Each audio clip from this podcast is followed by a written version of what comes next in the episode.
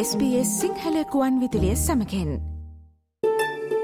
SBS world news ජාතික සහ අන්තර්ජාතිකව ඔබට වැදගත්වන ප්‍රවෘත්ති සැනින් සමීප කරයි. ලොව තතුවිත්ති විමසා බලන්නට අපි පුරුදු ලෙසින් එහෙමනම් සූදානම් වෙමු ලොව වටා විදෙස් විත්ති සමාලෝචනයෙන්. මේ විනාඩි කිහිපය තුළදී අපි බලාපොරොත්තු වෙනවා ලෝකයේ වාර්තාවන තොරතුරු අතරින් ප්‍රමුඛතම සිදුවීම් හතර පිළිබඳව අවධානය යොමු කරන්න. වඩාත්ම ප්‍රමුඛතම අවධානයේ විදිහට පුරුදු ලෙසින්ම අපිට අදත් කතා බහක් කරන්නට සිද්ධ වන්නේ ඊශ්‍රායල පලස්තීන මේ ගැටුම් වාතාවරණය පිළිබඳවයි. ඉතින් අපි එතනින් සකච්ඡාව ආරම්භ කරලීම සඳහා පුරුදු විදිහට ආරාධනා කරනවා මාධ්‍යවේදී අමල් ජයසිංහ මහතාට ප්‍රංශ ප්‍රවෘත්ති සේවයෙන්. ආයිබෝවන් අමල්. ආයිබෝවන් දිලුක්ෂි. ගාසා තීරයේ මේ වෙනකොට තත්ත්වය කොහොමද කියලා සාකච්ඡා කරමින් අපි මේ කතා බහ ආරම්භ කරමුවම ඔව් දිලුක්ෂි මේ වෙනකොට ආයමත් ගාසා තීරයේ ඊස්ට්‍රයිල් හමුදාව හමාස් සංවිධානය සමග ගෙන්ගෙට ගිහින් සටන් කරනවා කියලා වාර්තා වෙනවා. මේකත් එක්කලා බදාදා වෙනකොට මේ ගාසා තීරයේ උතුරු ප්‍රදේශයේ ඉන්න ජනතාව ඔවුන් ඒ ප්‍රදේශවලින් පලා යනවයි කියලා වාර්තා වුණා. මෙතනදී ඔවුන්ට ඊජිප්තුවට ඇතුල් වෙන්න තියෙන මේ රෆා කියන ඒ පිවිසුම් මාර්ගය ඒක බදාදා වහලා තිබුණා.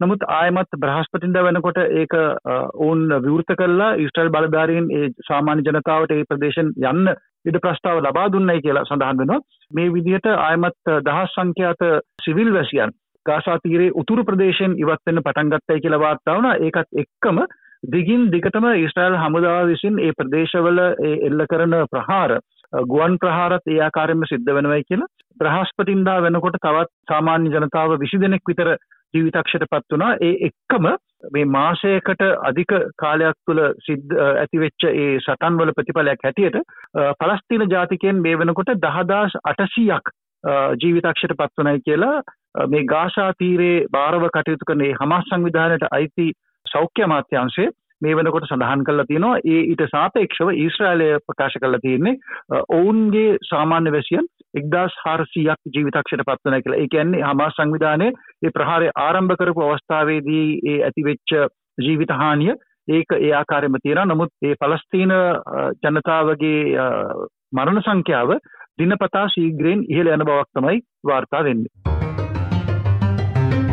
ගසතීරයේ ඇතිවෙලා තියෙන මේ යුදමය වාතාවරණය නිසා ලෝකයේ දැඩි අවධානය එයට යොමුවීම හින්දා ඒ වෙනකං ලෝකයේ ප්‍රමුඛ අවධානය යොමු වෙලා තිබුණ රුසියා යුක්්‍රේන යුද්ධය හා සම්බන්ධව වන අවධානය ටිකක් අඩු වෙලා තිබුණා. හැබැයි යුදමය වාතාවරණය ඒ ආකාරයෙන්ම ඒ පැත්තෙත් පවතිනවා.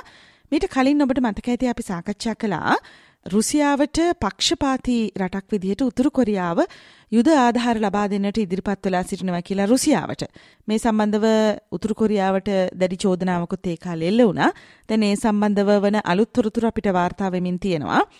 උතුරු කොරියාවත් රුසියාවත් අතර පවතින මේ අවි ආයුධ ගනුදෙනුව සම්බන්ධයෙන්. අමල් අපි කැමති ඒ සම්බන්ධව මේ වෙනකොට වාර්තා වන අලුත්ම තොරතුරු දැනගන්න මීළඟට ඔබෙන්.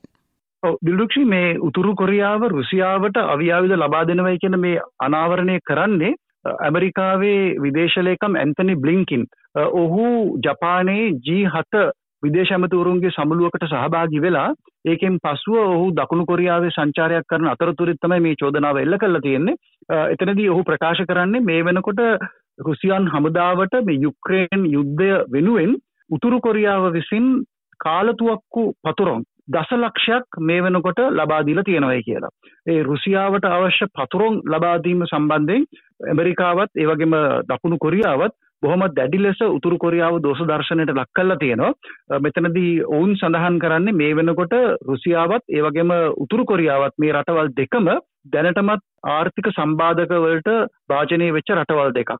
ඔවුන්ට එක්සත් ජාතින්ගේ සංවිධානයේ හරහත් මේ වෙනකොට ආර්ථික සම්බාධක පනවලා තියෙනවා. එවැනි තත්ත්වයක් තිබියදීත් මේ සම්බාධක උල්ලංඝනය කරමින් උතුරු කොරියාව මේ ආකාරයෙන් ආයුධ සැපීම සම්බන්ධයෙන් බ්ලිංකන් විදේශ ලේකම්වරයා දැඩි ලෙස උතුරු කොරියාවට චෝදනාවක් එල්ල කළ තියෙනවා. ඉතින් මේ ආයුධ ගණදනුව පිටිපස්ස තියෙන කාරණාව තමයි දිල්දුක්ෂි උතුරු කොරියාව බලාපොරොත්තු වෙනවා මේ විදිහට පතුරම් විශාල ප්‍රමාණයක් රුසියාවට ලබාදීම තුළින් ඔවුනට රුසියාවේ තාක්ෂණය ලබාගන්න හැකිවෙයි කියලා විශේෂෙන්ම චන්ද්‍රිකා මේ ඔත්තු බලන චන්ද්‍රිකාවක් දියත් කිරීමට ඒ කටයුත්ත කිරීම සඳහා ඔවුන් රුසියාවේ සහය ලබාගන්නවා ඒක වෙනුවෙන් තමයි මේ විදියට යුක්‍රේන් යුද්ධය තවදුරටත් ඉදිරියට ගෙන යාම සඳහා රුසියාවට මේ දුරදිග අවිවලට විශේෂම කාලතුවක්කුවට අවශ්‍ය පතුරොන් ලබා දුන්නයි කියලා සඳහන් වෙන්නේ. ලෝකයේ මීළඟ ප්‍රධානතම අවධානය යොමුලා තිබුණ ඇමරිකාව වෙත ඩොනල් ට්‍රම්ප් වෙත ඔබ දන්නවා ඩොනල් ට්‍රම්ප් පසුගිය ඇමරිකානු ජනාධිපතිවරණයෙන් පරාජයට පත් වනාට මීළඟ ඇමරිකානු ජනාධිපතිවරණයෙන් ඔහු නියෝජනය කරන රිපබ්ලිකන් පක්ෂයේ අපේක්ෂකයා විදිහට යළිත් ජනාධිපති තරගයට එළඹීමට බලාපොරොත්තුවෙන් සිටිනවා කියලා ඔහු ඒ පිළිබඳව පසුගියවර පරාජයට පත් වනාට පස්සෙත් නිවේදනයක් කළා මම ආයිත් එනවා කියලා. ඉතින් ඔහු සම්බන්ධව වන තොරතුරු තවදුරටත් වාර්තා වෙමින් තියෙනවා.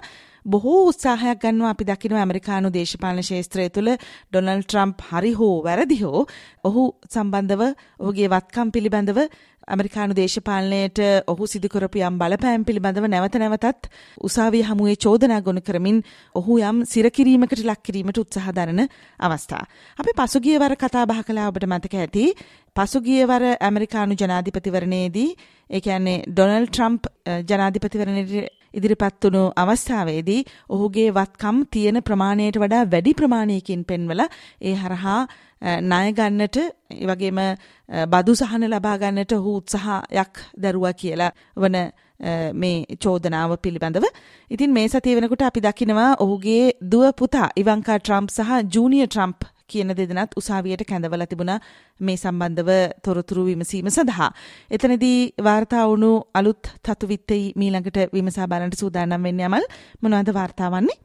දිල්ලුක්ෂි මෙතන ඉවංකා ට්‍රම්ප් ඒ කියන්නේ ඩොනල්ඩ් ට්‍රම්ප්ගේ දියණිය ඇයට තියෙන චෝදනාව තමයි ඇය ට්‍රම්ප් සංවිධානයේ විදායක නිලධාරණයක් හැටියට කටයුතු කරන අවස්ථාවේදී ඇය ඩොනල්ඩ් ට්‍රම්ප්ගේ වත්කම් අධිතක්සේරු කල්ලා ඒ පමණට වඩා වැඩි ප්‍රමාණයක් සඳහන් කරලා ලිපිලේකන බැංකුවලට ලබා දීලා විශාල ප්‍රමාණයෙන් ණය ලබා ගත්තයි කියලා. Tamanට තියනවට වඩා වැඩි වක්කමක් හුවා දක්වමින් අයුතු ප්‍රයෝජනයක් අයුතු ලාභයක් ලබා ගත්තා කියන චෝදනාව තමයි ඇයට එල්ල කරලා තියෙන්නේ. මේ චෝදනාව නගන්නේ නිව්යෝක් ප්‍රාන්තයේ රාජ්‍ය බලධාරීන් ඔවුන් සඳහන් කරන්නේ මේ විදිහට මුදල් වංචාවක් ට්‍රම්ප්ගේ පවුලේ උදවිය කළයි කියලා ඒ එක්කම තමන්ගේ පවුලේ ව්‍යාපාර සඳහා ණය ලබා ගැනීමේදීත් මේ විදිහ වංචා සහගත ලෙස කටයුතු කළා කියන චෝදනාව ඔවුන්ට එල්ලලා තියෙනවා. මෙතන ඇයගේ සාක්ෂිය ප්‍රථම වතාවට ඇය මේ සාක්ෂි දෙන අවස්ථාවේදී ඇයගෙන් මේ කරුණු පිළිබඳ විමසීමේදී ඇය ප්‍රකාශ කළ සිටියේ ඇයට මේ කිසිවක් මතක නැති බවයි. ඉතින් මෙතනදී නඩුව මෙහෙවන නීතිඥ සඳහන් කරේ ඇයට මේ කාරණාව සම්බන්ධයෙන් මතකයක් තිබුණත් නැතත් ඔවුන්ට ලිකිත සාක්ෂි මේ සම්බන්ධින් තියෙනවා. මේ කරුණු සියල්ලම උසාවිට දැන්ටමත් ඉදිරිපත් කල්ලයි කියලා ඔවුන් සඳහන් කළා.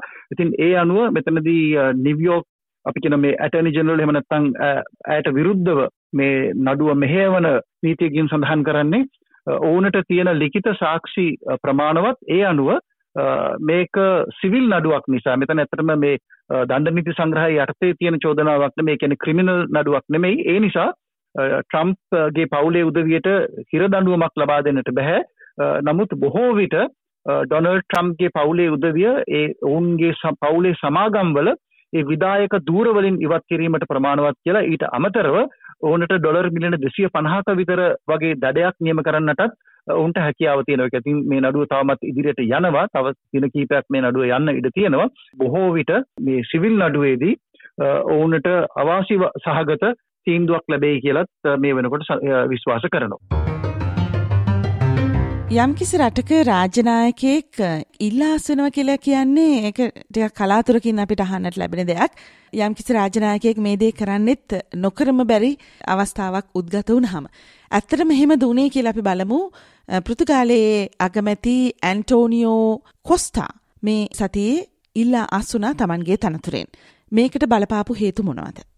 දිල්ලුක්ෂ මේ කොස්ටා අග්‍රාමාත්‍යවරයාට තනතුරෙන් ඉවත්වන්නට සිද්ධ වුණේ ඔහුගේ පක්ෂයත් ඔහුගේ කිට්ටුම හිතවනතුනුත් දිගින් දිගටම මේ ලිතියම් ආකර සම්බන්ධයෙන් ගණුදුනුවලදී දූෂිතව කටයුතු කරයි කියලා. ඔහුට කිට්ටුම හිතවත් දේශපාලඥයෙක් යෝරෝප් ලක්ෂ පහකට ආසන්න මුදලක් ඔහු වංචා කලා කියලත් සඳහන් වෙනවා. ඉතින් මේ විදිහට මේ ආකර ලිතියම් ආකරවල බලපත්‍ර ලබාදීමේදී ඒ සිදුවනයි කියන ගණදනුව සම්බන්ධයෙන් ඔහුටත් රිජුවම චෝදනා එල්ලවෙන්න පටන් ගත්තා. ඉතින් මේ විදිහට තමන්ට චෝදනා එල්ලවීමත් එක්කලා ඊට අමතරව තමන්ගේ හිට්ටුම හිතවතුන් කිහිප දෙනෙක්ට විරුද්ධව නඩු පවරලා ඔවුන් ඔවුන්ගේ විදේශ ගමනුත් තහනම් කරන වටපිටාවක් තුළ අග්‍රාමාත්‍යවරයාට තමාන්ගේ තනතුරේ රැදී රැඳී ඉන්න බැරිවෙන තත්ත්වයටම කරුණු සිද්ධ වෙච්ච නිසා ඔහුට මේ සතියේදී තමන්ගේ දූරෙන් ඉවත් වන්න සිද්ධ වනා මේ අග්‍රාමත්‍යවරය ඇත්තටම දෙවන වතාවට දූරයට පත්වෙන්නේ ගිය අවුරුද්දේ මුල කාලයේදී ඔහු මුලින්ම අග්‍රාමාත්‍ය දූරයට පත්වෙන්නේ දෙදස් පහළවේ. ඉතින් ඔහුගේ ජනප්‍රියත්වය පහළයෑමත් එක්කම ඊට අමතරව ඔහුගේ පක්ෂයට මේ දූෂණ චෝදන එල්ලවීමත් එක්කල විශේෂම මේ ලිතියම් ආකර සම්බන්ධයෙන් පෘතුගාලයේ මේ ලිතියම් බොහෝ වෙලාවට පාවිච්චි කළ තිබුණේ ඒ රටේ පාවිච්චි සඳහාමයි. නමුත් දැන් ලිතියම් වලින් විශේෂයෙන්ම මේ විද්‍යුත් මෝටර රථවල බැටරිවලට ලිතියම් අවශ්‍ය වෙන නිසා මේ කර්මාන්තයේ තියෙන ඉල්ලුම වැඩීමත් එක්කල ලිතියම් කැනීමේදී ලබා දුන්නු ඒ බලපත්‍ර සම්බන්ධෙන් බොහොම විශාල කතිකාවක් රට තුළ ඇතිවල තිවුණ ඉතින් ඒ නිසාවෙන්ම තමයි අග්‍රාමාත්‍යවරයාට මේ විදිර තමන්ගේ තන්තුර අතහැරලා යන්න සිද්ධ වුණේ සූතිවන්ත වෙනවාමල් ලෝකේ තත්විති සමීප කරන්නට. හෙමනම් මෙවරත් මේ විශේෂාන්ගේදී අප සමග එකතුවීම් පිළිබඳව අපි හෙමනම් යළිත් ලෝ වටා විදෙස් විති සමාලෝචනයේදී හමුවමු ලබන සතිය සිකුරාදා. අයිබෝන්. අයිබෝන් දිල්දුක්ෂ